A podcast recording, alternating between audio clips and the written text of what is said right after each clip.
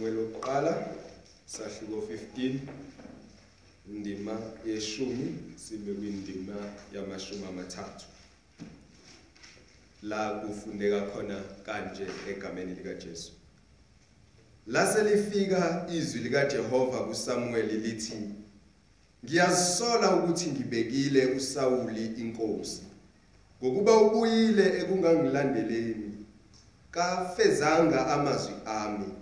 uSamueli wathukuthela wakhala kuJehova ubusuku bonke.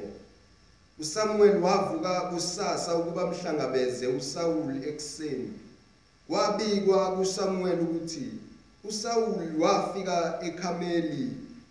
Bheka waza wazimisela insika wasuka wadlula wayehla waya eGilgali. uSamuel wafika kuSawuli uSawule wathi kuye Mawubusiswe nguJehova ngifezile izwi likaJehova. uSamuel wayesethi Kuthini pho lokhu kukhala kwezimvu ezindlebeni zami nokukhala kwezinkabi engikuzwayo na? uSawule wathi babuye nakho kuma-Amaleki ngokuba abantu bayeka ezinhle zezimvu nezezinkabi ukuba bahlabele uJehova uNkulunkulu wakho. Ezinye siziqedile nya. Samuel wayesethi kuSawuli kahle ngikutshele lokho uJehova akukhulumile kimi kulobu busuku. Wathi kuye khuluma. Wathi uSamuel nakuba umncane emehlweni akho awenziwanga yini waba yinhloko yezizwe zakwaIsrayeli na?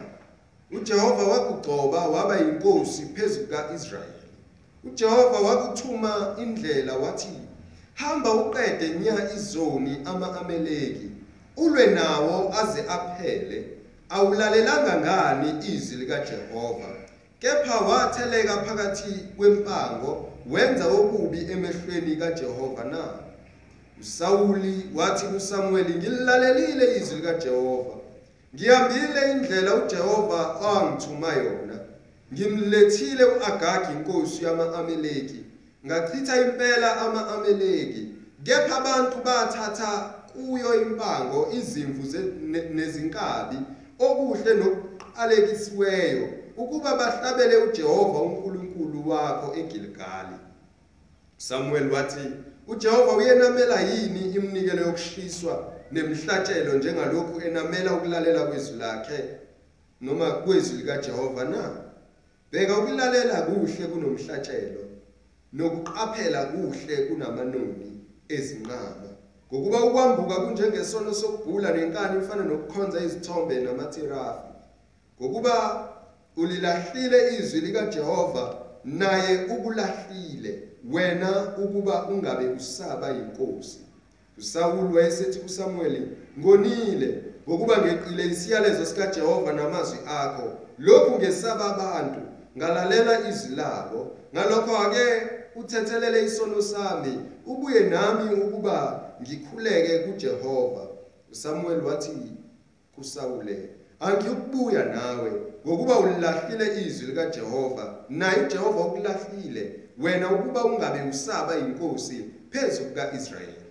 Samuel esephenduka ukuhamba wabamba umphetho wengubo yakhe yaxebuka uSamuel wathi kuye uJehova ukhebulile umbuso kaIsrayeli kuwe namuhla awunikile umngani wakho omuhle kunawe. Ithemba likaIsrayeli alikuqamba amanga lizisole ngokuba lisiye umuntu ukuba lizisole. Wayesethi ngonile kepha uke ungituse manje phambi kwamalunga abantu bami naphambi kaIsrayeli. Ubuye nami ukuba ngikhuleke kuJehova uNkulunkulu wakho. uSamuel wabuye wamlandela uSawuli uSawule wakhuleka kuJehova. Amen. Baba izwi lakho leli liyaphila linamandla liphefumulelwe nguwe. Khuluma ngalo kithina namhlanje na ngoJesu Kristu inkosi yethu. Amen. Bazalwane sengibingelele ngafunda indaba ende. Eh kule ndaba esiyifundile uNkulunkulu uthuma inkosi yakwaIsrayeli uSawuli inkosi yokuqala emakhosini akaIsrayeli. Uyamthuma ukuba akayoqeda ngama-ameleki khumbule ukuthi ku-exodus chapter 17 kuverse 14 uNkulunkulu wafunga ukuthi azozisola ama-ameleki ngakwenzile noma uzoqeda ukukhunjulwa kwama-ameleki mawufunda uverse 14 so uNkulunkulu ke ufeza lelozwi uyolwa nesitha uyoqeda ngesitha. Usethuma ke inkosi le yakwaIsrayeli ukuthi ayiye lapho iyohlohla impi. Eh khuluma ngomlomo wamprofeti uSamuel uma ke uNkulunkulu esekukhulumile lokho nebala uyahamba uSawuli uyolwa kodwa uNkulunkulu ukhipha isiyalezo esithi ufike uqede nya ngama-ameleki ubulale abadala bakhona abancane bakhona imfuyo yakhona udestroye nje konke kuphele nya. Kodwa mefika uSawuli ufika akenzi njengalokhu uNkulunkulu emthumile.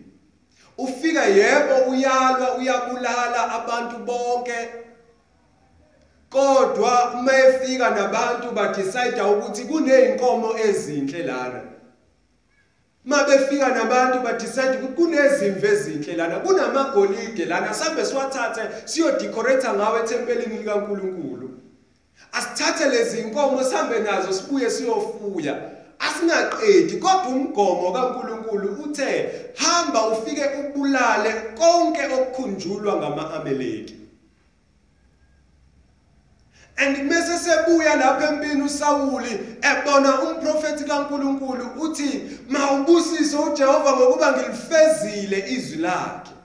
Akakuboni okurongi akwenzile bazalwane namhlanje na sithunyiwe inkosi uNkulunkulu ukuba sihambe siyolwa nesono siqede ngesono silwe naso imihla ngemihla singasivikeli isono sethu singazikhavi izono zethu ukuthi hayi lokhu kungcono ngoba ubani wakwenza hayi lokho engikwenza kungcono ngoba nomfundisi usibani bani ubonakele kwenza kodwa umgomo uthi phumani phakathi kwabo.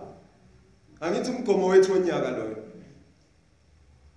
Kodwa namhlanje na ke sithola aba umuntu and namhlanje ebandleni bakhona abanjengosawuli abangafuni ukusolwa abangafuni ukukhuzwa abathatha iblame bayibeke kwabanye abantu. Lalela uSawuli ukuthi uthini methi uSamuel kuyini lokukhaleka ikuzwayo uthi hayi abantu. Sizwa? Hayi abantu bathe asikuthathe lokhu siyohlabela uJehova. Sawuli utheni umgomo kuwena utheni umyalo kuwena mzalwane uthini umyalo kaNkuluNkulu kuwena Mawuthi hayi abantu emhlabeni bayaphila kanjena. Lithini izwi likaNkuluNkulu kanti kuwena? Akasho yini uNkulunkulu ukuthi balekela isono uzubalekele naloku okubukeka kuyisono na? Khona amazwi angihlaba umxhele kule ndaba athi ukulalela kuhle kunemhlatshelo. Esikhathini esiphila kuso abantu abaningi beza neminikelo eminingi ebandleni ebese baphile impilo yabo ngendlela abathanda ngayo. Babheke ukuthi bangakhuzwa ngoba nakho bekwazi ukondla ibandla. Kanti cha sizukwenza lokho.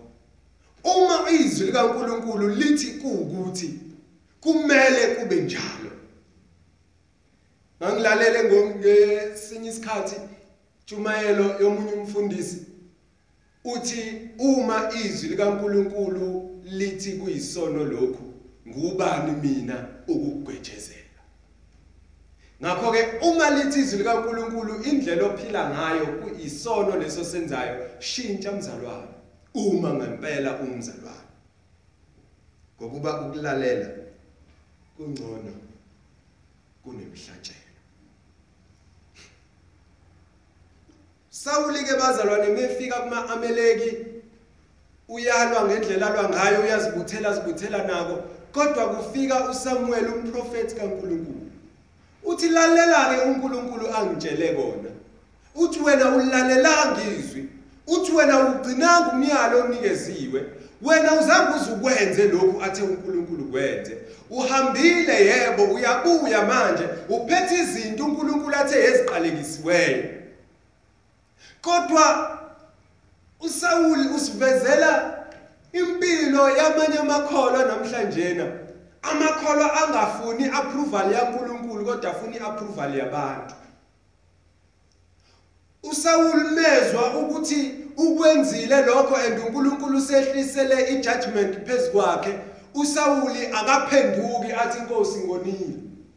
Akahambi kuyofuna uNkulunkulu athi inkosi ngonile. Kodwa uthi kuSawuli ngituse phambi kwalabantu kuSamuel uthi ngiphakamise phambi kwalabantu. Musuku ngishaya edangalaleni. Angikaveli kulabantu ukuthi angiligcinanga izwi likaNkuluNkulu. Angibonakale njengeqhawe amakholwa namhlanje lawo. Afuna ukubonakala njengamaqhawe ebegcwele izono afuna ukubonakala njengamaqhawe ebephila ezonweni engaguqukanga awafuni ukukhuzwa ebandleni ngoba athi uyangahlulela awafuni ukutshelwa izimiso zikaNkuluNkulu ngoba athi uyangehlulela amakholwa namhlanje afuna ukutuswa noma ebheda. Tusawuli uthi uSamuel angikwenza lokho. Awulalelanga izwi likaNkuluNkulu. Umtshela uze kuba amahlandla amabili kodwa kunokuthi uSawuli aphenduke akaphenduki. Ngabe wena mawulizwe izwi likaNkuluNkulu wenze njani? Uyaphenduka na? Mawuzwa izwi likaNkuluNkulu likusola wenze njani? Ngoba lithi iBhayibheli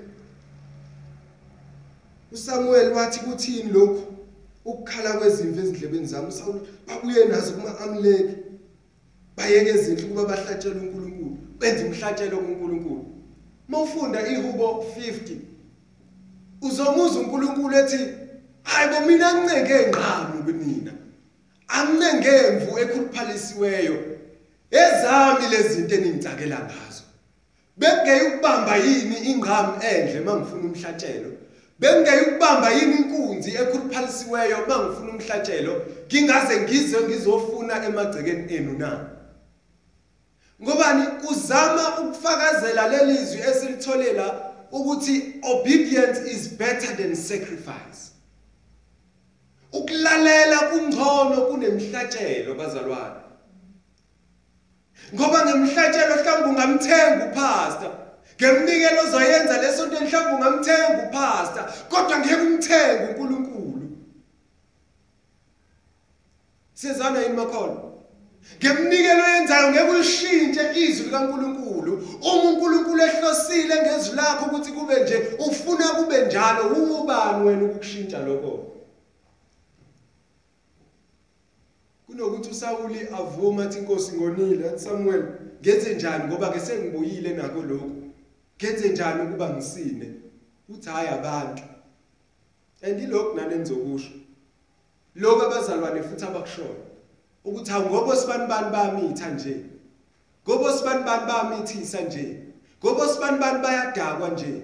Ngobo sibani bani bayakwenza kodwa ubhizi uphulana nomthetho wezwi likaNkulunkulu kodwa uzibiza ngomzalwane Hamba uthatha iblame uyishifta kubantu. Kwesinye isikhathi uthi hayi ngoba mina benginganakiwe esontweni ngize ngakhohlwa no hayi bo. Angithi yazazi wena ukuthi umzalwane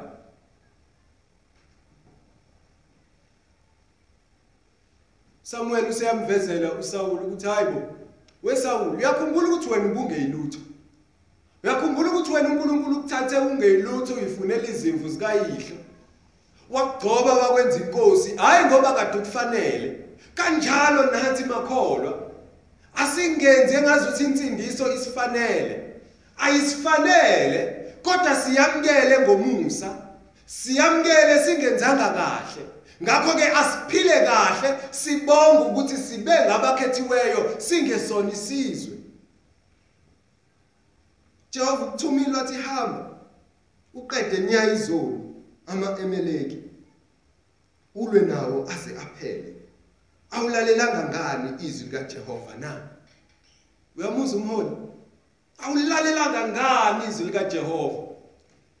Noma uNkulunkulu eseyikhiphile ijudgment kuSawuli kodwa uSamuel uza njengomprofeti njenganengcebo kaNkuluNkulu. Uyakhumbula ukuthi uNkulunkulu wethu unomusa uyakhumbula ukuthi uNkulunkulu wethu uneshawu indlela ayenzile awulalelanga ngani? Izingazi ukuthi ufuna usawula libone iphutha lakhe bese yaphenduka hlezi uNkulunkulu amthethelele. Kodwa usawula akakwenzi lokho. Uthi ngilalelile. Ngilalelile. Awu kanti nifunani kimi? Wena wake wabona umzalwane osekhulile. Athi kanti nifunani kumina sengihlale kangaka ngiyiphethe kahle ayinami phela bese ngifuna umntwana. Hayi na awungeke phela awu hawu nami bengithi ngiyaganga nje. Hawu kade ngakhona izinto azingihambeli kahle nami bengithi hayi ake ngizame nje. Awulalelanga ngani izwi likaNkuluNkulu? Lo angililalelile angililalelile izwi. Ngihambile indlela kaJehova ngithume ngayo. Ngimlethile uAgagi inkosi buka iphutha nje futhi. Kuthiwe hamba uyolwa nawo lapho uqede inyanga ukukhunjula na uthatha omngcoliwelo uzokubeka phakathi kwabangcwele la nguAgagi le uza naye la. Uyapi no Agagi la ngoba uAgagi kuthiwa mbombulalela le. Bazalwane futhi nabo banjalo. Kunezono kuKristu wasinqobela izono zethu. Wasilwela sasinda saba senkululekweni zathatha izono zethu zaphoswa olwandleni lokukhohlwa kodwa bazalwane imihla ngemihla bayahamba bayozidoba. Bahamba usuku nosuku bayozifuna bazibheka zisebumnyameni bayiphumputha bafuna izono zabo ngoba bazi abajabulisa baqede babuye bazoclaima la ukuthi balilalele ilizwi kaNkulunkulu. Bheka. Ukulalela kungcono kunemhlatshelo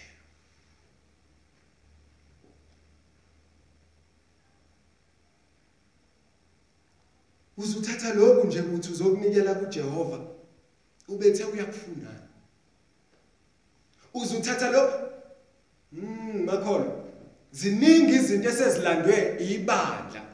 Izinto esezilandwe abazalwane kade kuyizinto zezwe. Bazithatha bazingenisa la endlini yenkolo bayithatha beyingenisa la endlini yenkosi bazenza zengazuthi zamukelekile. Izinto uNkulunkulu athi asiqede nyangathi uzuthatha lezo zinto nje uzozibeka endlini kaNkulunkulu into eziqalekisiweyo hlushwe yini? Shiya izinto zasemnyango emnyango. Shiya ubumnyama ebumnyameni. Musukuza nezono zakho la ufuna sikwamukele nazo. Angeke sizamukele izono zakho. Phela thina samukela umntwana kaNkuluNkulu. Ovumayo ukuthi ngingumoni omkhulu. Ngingumoni omkhulu. Ngifuna usizo. Ngifuna umusa wakho. Ngisebusweni bakho baba Nkosi uNkulunkulu ngifuna umusa wakho ngomthandazo wakho. Sifuna abantu abanjalo. Abazoshayeka endleleni babuye. Bayisole phambi kaNkuluNkulu bakhale. Bathi inkosi ngonile. Mali baqondisa izwi likaNkuluNkulu babuyele kuJehova. Ngama feelings wabo ngama emotions wabo ba dedicate impilo yabo kuNkulunkulu kabusha. Ngoba beqonda umusa uNkulunkulu abenzele wona nokuthi uNkulunkulu wethu unomusa. Asikubonanga lokhu la kuSawuli kodwa sibone indluzula esiyibonayo namhlanje. Abantu bathatha amabandla bayowam bowaneka ezinkantolo ukuthi awabaphathanga kahle enze ukuthi enze ukuthi enze ukuthi. Yilokho kwenziwa uSawuli la. Anomqondo kaSawuli. Bonke labantu abagcwele izona abahamba bayophila izono zabo la babuye bazofuna ukuthi samukele izono zabo njenganabo. Banomqondo kaSawuli. Ngoba uSawuli uthi mefika kuSamuel uthi hayi ke kulungileke ngiyabuza ukuthi uyangisola kodwa ungangisoli phambi kwabantu. Fana nomzalwane omdala ngisho umholi mina. Khuluma ngopastor mina ngikhuluma ngobani? Athi menephutha angafuni ukusolwa ngobani? Uzothi hawu bazothina abantu. Cha wonile kumele ulungiswe. Haleluya kumele ulungiswe. Uthi hayi ngenze ileader eqotho phambi kwabantu ngenze umholi olalelayo phambi kwabantu. Ngenze upastor olenzayo izwi. Uzongisola ke mhlawumbe nganene ngaseso. Cha wone phambi kwalabantu lungiswa phambi kwalabantu. Ngoba kusasa bazoyenza lento eyenzile uzobalungisa kanjani wena ungalungiswanga? Samuel buya nami. Hamba nami. Njengalokhu kwakwenziwa amakhosi mephuma empini ukuthi umprofeti eze abuye athi hail the king. Ahalalise ukuthi inkosi inqobile. Uthi sawulenza njalo ngoba nginqobile bezalwane unqobile unqobile uSawuli ulwile. uAgagi bamnqumile uzonqunywa manje nqunywa uSamuel and kuphelile inyangayo kodwa akanqobanga ngoba akaligcinanga izwi likaNkulunkulu. Ayibonga inkosi akanqobanga ngoba akalalelanga.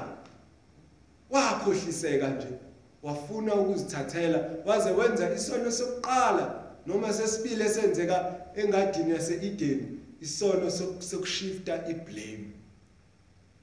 Athi umuntu ebonile ukuthi wonile kodwa ashifte iblame. Athi hayi ngenxa yokuthi usibani bani wenza ukuthi? Ngiphakamise. Usawula ngikwenzi lokho. Angizukuphakamisa ngibuyeli nawe emuva. Lithi iBhayibheli ngenkathi usawule eflathela uSamuel wamba uSamuel eflathela uSawuli wabamba uSamuel ngendluzula. Membamba kwadabuka umphetho wengubo yakhe wayimemezela ijudgment. Wathi njengalokhu udabukile lo mphetho walengubo kanjalo nombuso wakho kuIsrayeli uNkulunkulu uDavide bazalwane esikhathini esiphila kuso sisaphila esikhathini somusa. Sisaphila esikhathini uNkulunkulu asinikeze sona sokuthi sisengasinda. Asilalelanga izwi kaNkulunkulu asiwugcinanga umyalo kaNkulunkulu. Usuku nosuku siyaphambuka imihla nezolo siyakwenza okubi emehlweni kaNkulunkulu. Kodwa uNkulunkulu usinikile umusa ngoKristu Jesu. uNkulunkulu usinikezile uthando ngoKristu Jesu. Ukuthi noma sifanele ukufa ukuthi noma sifanele ukulahlwa kodwa uNkulunkulu akasilahlanga usinikezile umusa sawuzuza umusa sasindiswa. And sisasindiswa namhlanje nakusasa futhi siyosindiswa. Ngakho ke asibe ngabantu ababongayo sibe ngabantu abalalelayo izwi likaNkulunkulu. Ayibonge inkosi uSawuli yamenyezela ijudgment. uSawuli wayengazi ukuthi mebuya la uzoba nejudgment. Thina siyazi ukuthi mebuya uKristu Jesu uzobe ezolanda ibandla lakhe aphinde ezokwahlulela abangamlalelanga. So we are way better than Saul. uNkulunkulu wenze ngayo yonke indlela ukuthi thina sisinde sibuyele kuye. Nabo bonke ububi bethu sivume izono zethu ebese siyalalela izwi likaNkulunkulu. Ukhetha ukwenzani? Uzolalela izwi likaNkuluNkulu noma ufuna ukubhubha nawe njengosawuli? Uma ulalela phela izwi likaNkuluNkulu uzokwenza lokhu izwi likaNkuluNkulu elithi kwenze elithi izwi likaNkuluNkulu kubalekele uzokubalekela. Uzobonakala kanjani ukuthi uyalalela izwi likaNkuluNkulu? Hamba ufunda uGalatians chapter 5 sizohluma izithelo zikamoya ezokumnyama zizoqhela. Inkosi yomusa mayibusise obedience is better than sacrifice. Amen. Babe egameni lika Jesu Kristu waseNazaretha siyakubonga uNkulunkulu siyakubonga Nkosi yethu. Siyabonga baba ukuthi usizwile siyabonga uNkulunkulu wethu ukuthi uyasibona. Siyabonga uNkulunkulu wethu ongcwele ukuthi uyakubheka ukuhamba kwethu. Siyabonga Nkosi enamandla ukuthi uyasiqaphela mihla namalanga ebese uyasifundisa ukwenza nokuqaphela izwi lakho. Baba wethu onamandla onke siza kuwena Nkosi yami sibhekene nesimo esinjena empilweni zethu. Kodwa uNkulunkulu wethu ongcwele sifisa ukungakhohlwa ukulalela izwi lakho. Sifisa ukungakhohlwa ukuhamba njengalokho izwi lakho lisiyala. Hlala nathi.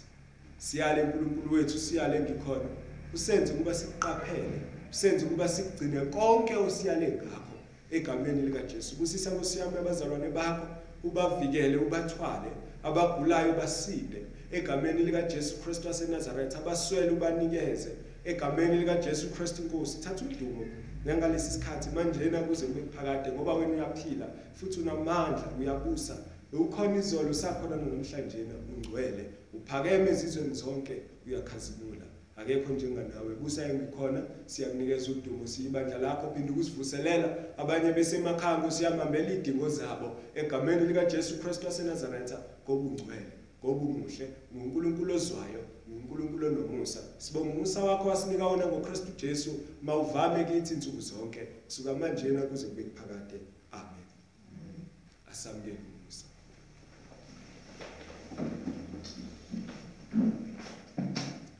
Musa wenkosi yethu uJesu Kristu uthando likaNkulunkulu Baba budlelwane bukaMoya Ongcwele bakube nathi sonke kusigcine kusilondoloze azakuyo uJesu Kristu inkosi yethu. Amen.